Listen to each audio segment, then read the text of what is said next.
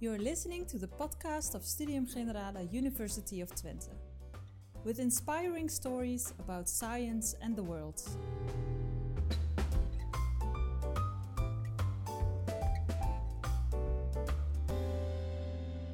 Welcome, everybody, at the Week of Inspiration. I'm very pleased to announce that this evening Peter Kuipers-Munneke is our guest. Peter, welcome very much. Thank you for coming here. You came all the way from Utrecht to our live stream studio here, and I really, really appreciate it. Yeah, it's a great pleasure to be here. Uh, Peter Kuipers-Munneke is a glaciologist and a famous weatherman in the Netherlands. He holds a PhD in the field of polar climate and he works at the Institute for Marine and Atmospheric Research in Utrecht. In his research, Peter Kuipers-Munneke tries to unravel the mechanisms behind the melting polar ice sheets. He undertook several expeditions to Spitsbergen, Greenland, Antarctica. Most of you know Peter from the 8 o'clock news, where he is one of the weathermen. Uh, in the news, he usually has three minutes three minutes about two actually two actually to to present uh, the weather. Uh, I'm very happy that tonight he has three quarters of an hour to talk with us about the melting of the polar ice sheets. Peter, the digital floor is yours. Go ahead. Well, thanks, uh, Peter, for uh, for introducing me, and uh, great uh, that you are having me here. It's an honor to be here at the Week of Inspiration, and I actually hope to be uh, able to give some inspiration to you and to the viewers of University Twente. Because my presentation is going to be about the melting of the ice sheets. Actually, we have two ice sheets on our planet at the moment. We used to have more. In the last ice age, we had at least four of them. But now we have two, one in Greenland and one in Antarctica. And they are currently melting, as Peter already mentioned, uh, because of uh, rising temperatures, global warming. And due to the fact that these ice sheets are melting, the sea level is rising. Now, where I'm sitting here in Twente, this is probably not going to be a very big issue. We are sitting comfortably at several tens of meters above sea level here in Enschede. Um, nonetheless, I think this might be a little bit of a guess uh, that if we would remove all the ice sheets in the world, so Greenland and Antarctica, global sea level would rise by more than 55 meters. We don't have to expect 55 meters of sea level rise in the coming century, but what can we expect? That's one of the uh, questions that I will try to answer in this presentation. And well, there is some actuality to this uh, presentation as well, because last week, on Friday to be exact, there was in the news that a new satellite was launched by uh, ESA, the European Space uh, Agency. Uh, the satellite is called Sentinel 6, and it's uh, the successor of other satellites that have been measuring uh, sea level rise from space already since 1992. And this particular satellite mission is um, going to um, uh, and uh, expand the this um, uh, time series of uh, observations at least until 2030. And here we see a very nice and inspiring connection between the world around us and the work that is typically done uh, at a uh, technical university like University of Twente, because, well, making a satellite and making all the technology that enables us to observe very subtle changes in the uh, elevation of the uh, sea by satellite requires technology that is typically developed at technical universities like uh, University of Twente. So with these satellites, we have been measuring sea level since 1992, almost 30 years of observations. And you can see these observations in the left part of this figure. It's actually the red graph, uh, which says satellite altimeter data. And it nicely coincides with observations that we have from tide gauges. And tide gauges are these uh, well, it's like uh, in Dutch we would call it a lineaal, uh, which is typically in a harbor. Uh, where there is like a scale with centimeters telling you whether it's ebb or flood, um, or um, well, what the height of the sea level is. And if you combine all these tide gauge measurements around the world, we can reconstruct sea level back to at least 1880, so 140 years ago. And what we see from this picture is that sea level is rising. It has been rising by approximately 25 centimeters over this period. And the sea level is actually accelerating. So 100 years ago, the, sea, the rate of sea level rise would be about 2 millimeters per year. And at the moment, it's about 4 millimeters per year. That's really the latest part of the satellite era. The last uh, 10 or 15 years, sea level rise is double the rate as what it used to be 100 years ago. Part of the sea level rise is actually due to the melting of glaciers. Not all of it, but part of it. And um, to be precise, approximately half of the sea level rise that we are observing today is due to the melting of land ice. The other half is caused by something that has nothing to do with glaciers or ice sheets. It has to do with thermal expansion of the oceans. So the oceans get warmer, warmer water takes more space. It's actually expanding. Well, the average ocean is about 3,800 meters deep. So even if you would have one per mil of uh, expansion, it would give you a sea level rise of 3.8 meters. Well, luckily it's much less than this one per mil, but still it's notice noticeable. And it has led to a sea level rise of approximately 10 or 12 centimeters in the past century. So half of the sea level rise that we already had. The other half is actually coming from melting land ice.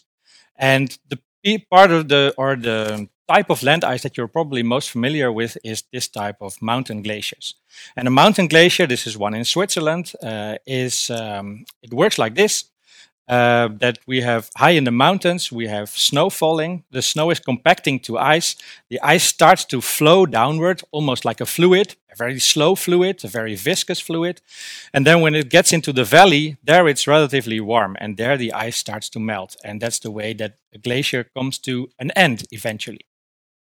Well, so this is um, uh, an example here of um, of, uh, of such a glacier. This is a very big one where you can actually see that it's a highway of ice, and it's um, and this particular one is in Alaska.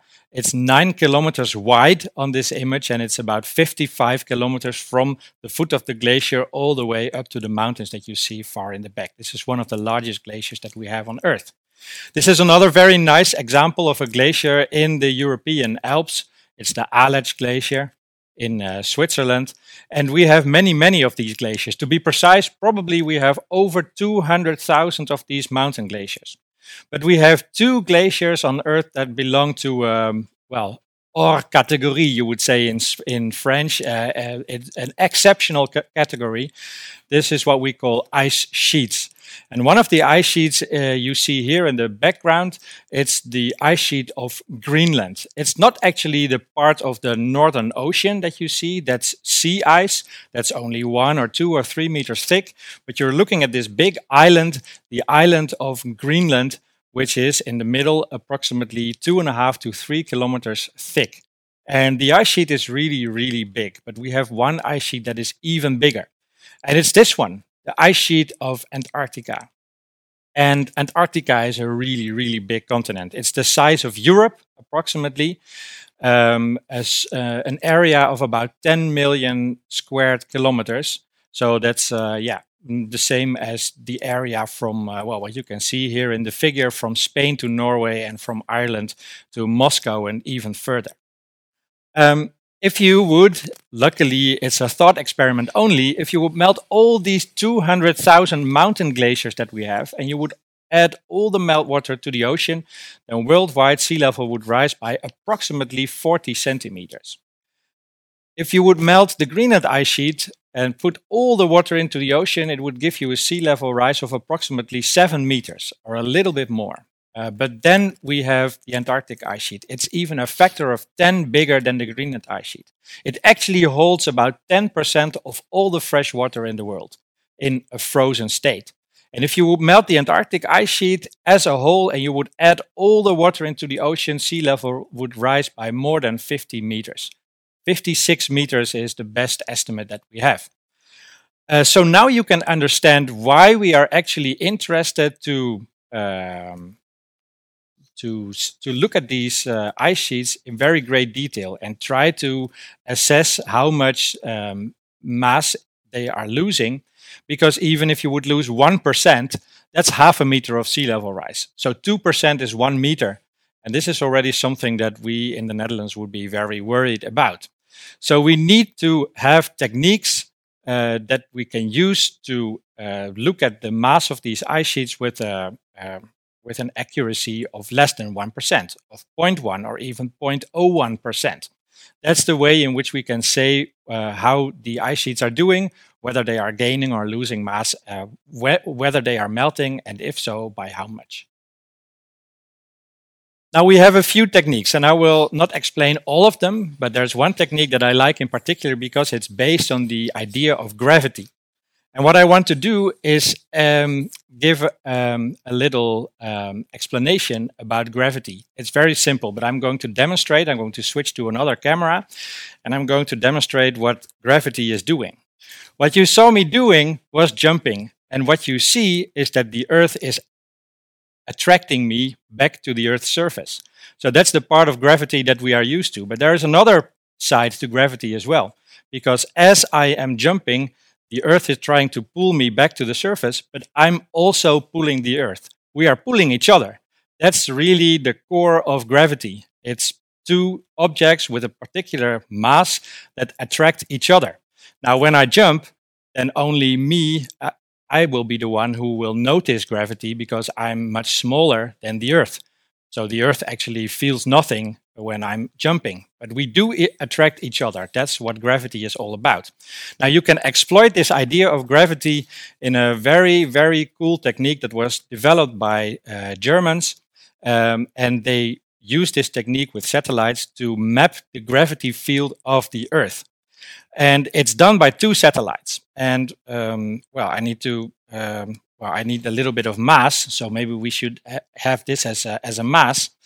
Uh, there are actually two satellites flying uh, after each other with a distance of about 200 kilometers. So there's one satellite coming. Here's a, a lot of mass. Let's say it's an ice sheet. And the satellite is coming and it's being attracted a little bit more to this ice sheet because it has a lot of mass. So it's accelerating a little bit. And then it's slowing down when it's past the ice sheet. And then the second one also follows and it's attracted a little bit later and then it is slowing down also a little bit later. So the distance between these satellites is not constant. It's sometimes becoming a bit smaller and sometimes becoming a bit larger. And with that technique, you have a laser in between these sa satellites that can measure distances with an accuracy of one nanometer, 220 kilometers apart. And with this laser technique, you can actually detect the gravity field and changes in the gravity field of the Earth. So if you lose a particular part of an ice sheet, you lose a particular amount of mass in one place and you will actually see it in the changes of the gravity field of the Earth. It's a very sensitive technique and it's a really cool technique that is developed in Germany, also at a technical university. Now, another technique, uh, which is also nice to explain, is actually by also by satellites. We use a lot of satellites in glaciology. Um, it's actually, you could say, it's like a 3D scanner and it's uh, uh, looking at the elevation of all the objects that we have on Earth. So it would even be able to detect a bus or your car or your house uh, because it emits um, a laser beam or a radar beam and then it listens back to its echo. And the further the distance, the longer it takes before the echo is back at the satellite. So you can make a 3D scan of the Earth. And then you come back with the same satellite one year later. And then you can subtract the two 3D scans. And then you can see where, you, where there are changes in volume. So this is also a very nice satellite where you can very accurately see where the ice sheet is actually shrinking and melting. There is another very nice technique, and it has to do with the fact it's the third and last technique. It has to do with the fact that snow is falling on top of an ice sheet. You have to look at the picture here behind me. Um, and on the left hand side of this picture, you see the situation in Antarctica. So there is snow falling on top, then the ice is flowing to the right in the picture, and then it actually uh, ends up in the ocean. And um, at the coast, uh, in Antarctica is actually so cold that the ice is still not melting. So, as a whole, the glacier is moving onto the ocean, and this gives a very big and thick floating glaciers, which we call ice shelves. So, this is what you see in the right of the picture. And from these ice shelves, big icebergs are being shed every now and then. And whenever there's a really, really big iceberg uh, calving from the ice sheet, you can actually um, read about it in the news. Because we are actually um, looking at the state of these ice sheets in Antarctica, in Greenland, but also in Svalbard. In Dutch, we call it Spitsbergen. It's a um, uh, it's um, um, uh, it, um, uh, it's a group of islands uh, in between uh, the North Cape, so the northernmost point of uh, continental Europe, and the actual geographical North Pole.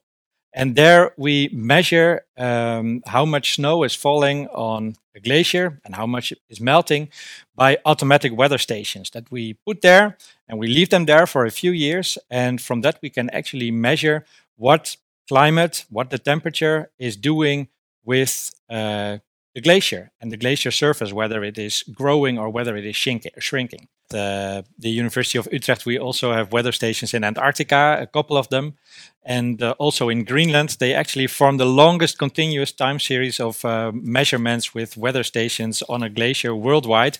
They started already in 1990. Uh, and it's really unique to have a 30 year time series of uh, data from uh, weather on a glacier. And it turns out to be really valuable data because actually, since the 1990s, this is coincidence, um, the ice sheet of Greenland started melting. Uh, so we were there at the start of the melting, and we have a time series that we still have today. And it's a really valuable and, and good to have these time series uh, in place. Peter, we have um, one question which is about gravity, where you just explained uh, a few things about. Mm-hmm. Um, someone is wondering um, is the, the, the ice of Antarctica, that's a huge mass, isn't it also attracting the seawater towards it? When it melts, you lose this mass, then then the sea level might rise even further. Is is, is that a an effect in yeah. in the yeah that the, so the, the the South Pole attracts water. Yeah, that's that's exactly what is going on, and it's one of the reasons why um, we here in the Netherlands are actually a little bit more afraid of the melting of the Antarctic ice sheet than the Greenland ice sheet. Mm-hmm. So it's a little complicated, but so the ice sheet is a big mass, and it's actually attracting the ocean water. So the ocean yeah. water is actually piling up against the ice sheet. Well, piling up, that sounds very dramatic, but mm-hmm. it's an effect which is more, definitely more than one meter of extra sea level that you get at the coast of Antarctica. Mm-hmm. So whenever you lose mass there, um, it means that the water is not attracted to it anymore yeah. or less. Mm-hmm. And it means that, and this is very uh, counterintuitive, but if you have melt in Antarctica, you actually get a sea level lowering at the coast of Antarctica, which sounds very strange, mm-hmm. but this is exactly what is happening. Mm-hmm. And in the far field, so that's the ocean that is very far away from mm-hmm. Antarctica, mm-hmm. you get a sea level rise that is larger than the global average. Yep. Um, so that's the situation that we have here in the Netherlands. We are very far away from Antarctica, mm. and that means that if Antarctica would raise global sea level by one meters, we here in the Netherlands would actually get one meter and 20 centimeters. Mm. Whereas if the Greenland ice sheet, where we, are actually quite close to the Greenland ice sheet, mm-hmm. if that ice sheet would also raise sea level by about one meter, then here in the Netherlands we probably get just about 50 or 60 centimeters. Mm-hmm. So the same amount of melt from Antarctica mm. is twice as bad for the Netherlands as from mm. Greenland. Okay, that's yeah. Interesting. This is actually a piece of uh, of uh, science that has been developed I would say only in the last 15 or 20 years. Mm-hmm. Uh, the insight that the ice sheets themselves also have a very big impact on attracting the ocean water yeah, itself. Yeah, yeah. So this is actually cool. this is one of the well there are many many reasons but this is one of the reasons why sea level uh, uh, rise can be worse in one place than in yeah. another. Yeah. For example, in Stockholm, uh, in Scandinavia, we actually observe sea level lowering.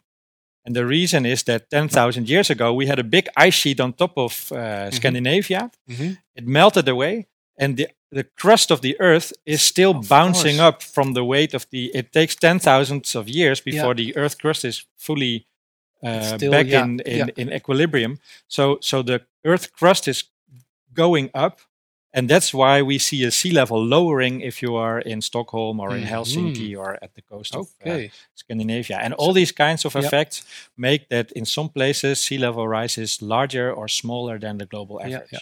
So in Scandinavia, it might become busy in the future. People are. It would be a great place to live. Yes. Yeah, Yeah. anyway. no, yes. It is. It is. yeah.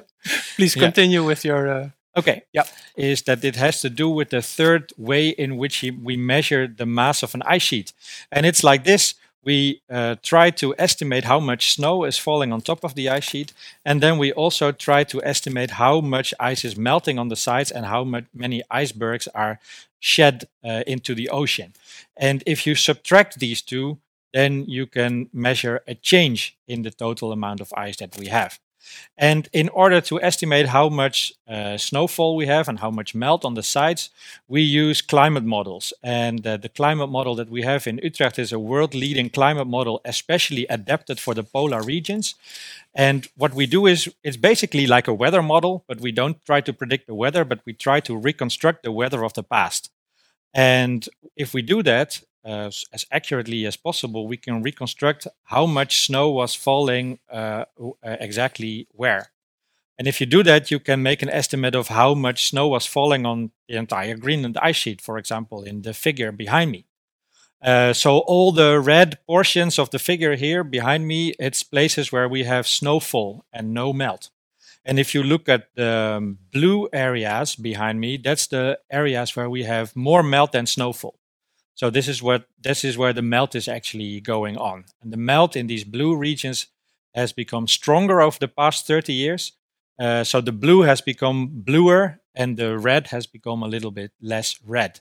And what you see on the right hand figure, this is typically what we uh, observe nowadays on the edges of the Greenland ice sheet is uh, meltwater rivers uh, bringing uh, melt to the ocean uh, more so than 30 years ago. And that's one of the reasons why the Greenland ice sheet is currently contributing to uh, rising sea level.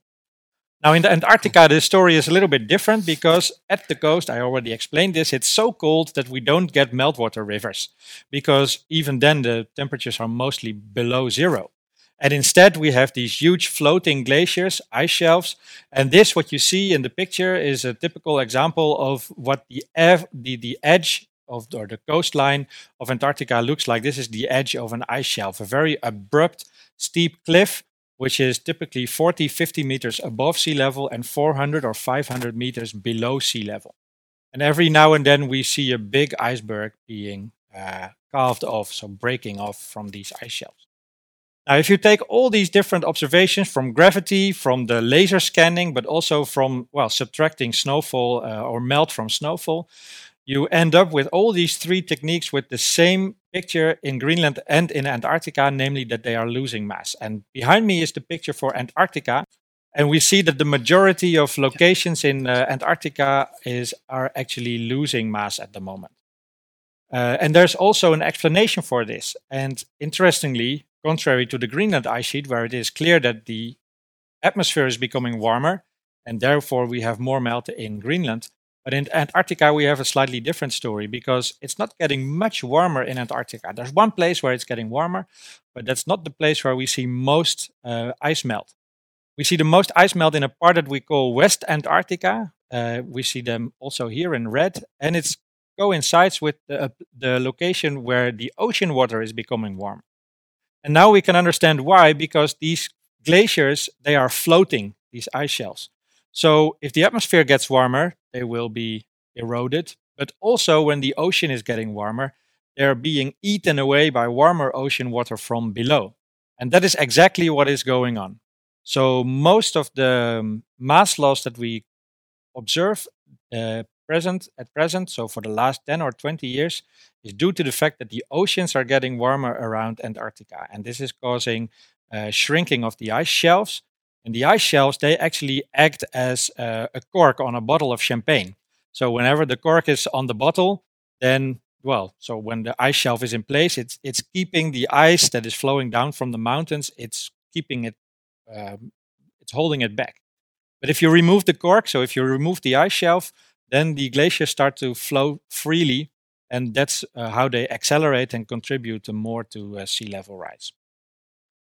Now, we want to say something about uh, sea level in the future. And maybe not here in Enschede, but maybe in Amsterdam or in Rotterdam or in uh, Gouda. It's a very good example of a city that, um, well, would suffer from uh, sea level rise uh, because it's uh, very uh, low at very low elevation. What can we expect in front of the Dutch coast? actually, what you then have to do is try to understand first of all, well, what the future is going to look like we just simply don't know whether we will be able to meet the uh, goals in the Paris Agreement, whether we will be able to to build a sustainable world in the coming few um, well decades. Uh, but if we succeed, then still there is some uncertainty. We don't know exactly, even if we manage to uh, predict how much sea level is actually going to rise. It's actually, you could actually say that saying something about sea level rise in the future is like a three stage rocket. The first is and we simply don't know whether um, we are able to um, stop the emission of CO2, yes or no. So that is a societal part. And the second step, which is, well, we know something about it, but not exactly, is okay, suppose that CO2 levels are going to increase a little bit more. How much warmer is it going to be on Earth? We know not exactly, there is some uncertainty. We, we know not for sure how much uh, extra heating we are going to get. And then there's the third stage of the rocket, which is okay, suppose that we have two degrees of warming or three degrees of warming. How are the ice sheets going to respond? We have a good idea, but not precise. So it's three sources of uncertainty that add up. And that's the reason why uh, scenarios for future sea level rise can be a little bit uncertain, especially if you um, are a government and you want to know exactly how much sea level rise we're going to get in the next 100 years. The answer that we give by sciences, we can give a good estimate, but we don't know for sure. However, and this is the picture that you see behind me, there is something becoming clear from sea level research in the past of the past 10 years or so. If you look at the blue graph, it shows uh, sea level rise up to the year 2300, so it's almost 300 years from now, in a situation where we would be able to uh, stop the emission of CO2 and meet the targets of the uh, climate agreement in Paris. And what you see there is that sea level is going to uh, uh, to rise for at least a century, but then it will level off and it will become almost a flat curve uh, with approximately one meter of sea level rise by the year 2300. So that would give us a lot of time to think about how we should uh, handle uh, this threat. However, in a business as usual scenario, or actually it's a scenario that's a little bit worse than business as usual. So basically, finding all the oil and gas and and and and uh, coal that we still have on Earth and putting it all and burning it all and putting all the CO2 in the atmosphere, that would give us something like the red curve, and it would give us more than a meter of sea level rise by the year 2100 already, so the end of the century, and then it would actually go on up to something between three and five meters of sea level rise in 300 years from now. And this is an amount that we probably cannot handle in the Netherlands. We don't know for sure what the future will bring, but this, this is what we could expect. So now, to round off, uh, some inspiration because this sounds like a threat, but from each from each threat we can also get inspiration. Um, how would we deal as the Netherlands with rising sea levels? And especially, how would we deal with rising sea level, eh, level if it's a little bit more than we anticipated? Uh, Deltares, which is a Dutch institute um, that, that deals with water management, um, they have made a report about extreme sea level rise and what to do. And here in the slide behind me, you see some typical examples of problems that you face if we have a lot of sea level rise. Uh, you would think, okay, we need some higher dikes and some more dunes, but that's not the whole story. At the moment, we already have sand suppletions uh, in front of the Dutch coast. So that's uh, big ships that are pouring sand over the beaches. So it's called beach nourishment. And it's a big and expensive operation that is already going on at the moment. And if you would have a sea level rise of one meter, then the amount of uh, beach nourishment would, would have to um, increase at least sixfold in the. Uh, uh, so that means that you, all year around you would need to replenish uh, sand on the Dutch beaches. Another problem that we have is uh, drinking water and also um, the salinity of, uh, of water and also um, of the groundwater, especially in the west of the Netherlands, making, for example, agriculture a very difficult thing. Also, salt intrusion by rivers um, into the, the Dutch Delta is going to be a, a problem. Well, there are many more problems. I won't have time to go into the details, but as an example of inspiration, here are four ways in which you could deal with um, rising sea levels in the Netherlands. And at the top left, you see, okay, this is one thing that we can do. It's actually what we are doing at the moment, protecting the country in a closed system. So basically, what we have done since um, 1953, we have shortened the sea level, or the, the coastline in the Netherlands by more than 2,000 kilometers by uh, building the Oosterschelde Dam and the Maeslantkering, uh, the, the delta works, and also the Afsluitdijk uh, that was already in the, the 1920s. But this is a process that we have been doing already for a very long time, making the coastline shorter so you are less at risk of, um, you're less vulnerable to, to the sea. So this is what we have been doing now. And the question is, okay, how much longer can we keep on this track? Now, on the top right, you can, this, this is a way of protecting, but then in an open sense. We actually let the water in, but we protect the rivers, for example, and we make ourselves um, well, we prepare for more water in the country whenever um, the, such situations arise. Then we have um, an aggressive tactic, which is on the bottom left, which is seaward expansion, actually building a artificial barrier islands, for example, um, uh, where you could also have uh, an airport, for example. These are plans that have been there for tens of years already. But this is creating an extra barrier towards the sea. So it's very aggressive. You are afraid for the sea, so you're building forward. And the other uh, strategy on the on the bottom right is uh, to move along with rising seas and actually migrating and retracting from the place where at the moment most people in the Netherlands live. This is some sort of end stage, I would say, because well, evacuating uh, the whole uh, west of the Netherlands and moving to Enschede is something that many people won't like. I, I think, especially here in Enschede, people would not be happy about it. Um, but there is actually something like it was like a it's it's like a, a, serious thought experiment, a strategy. So what do we do in the future? And this is what we call deep uncertainty, and this is something that Deltares has explored. Um, when is when can we change from one strategy to the other?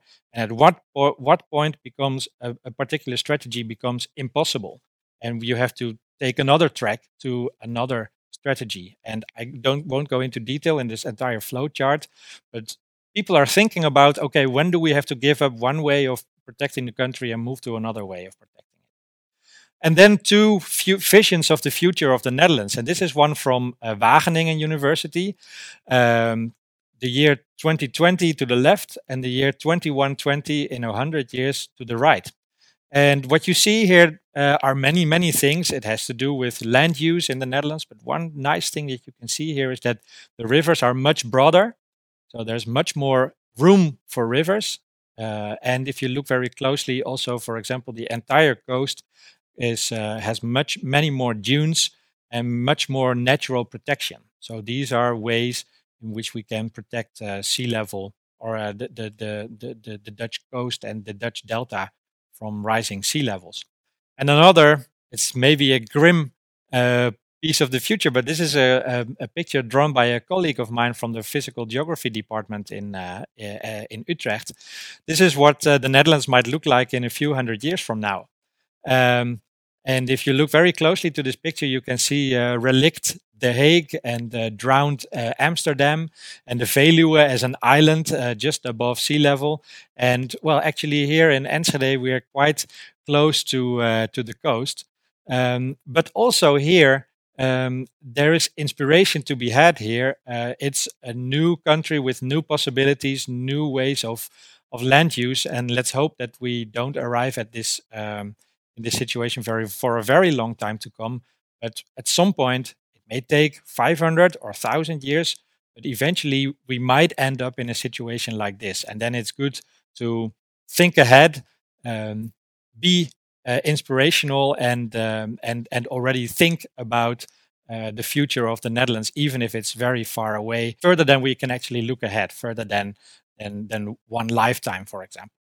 So with that, I would like to end my presentation about melting ice and about uh, rising seas.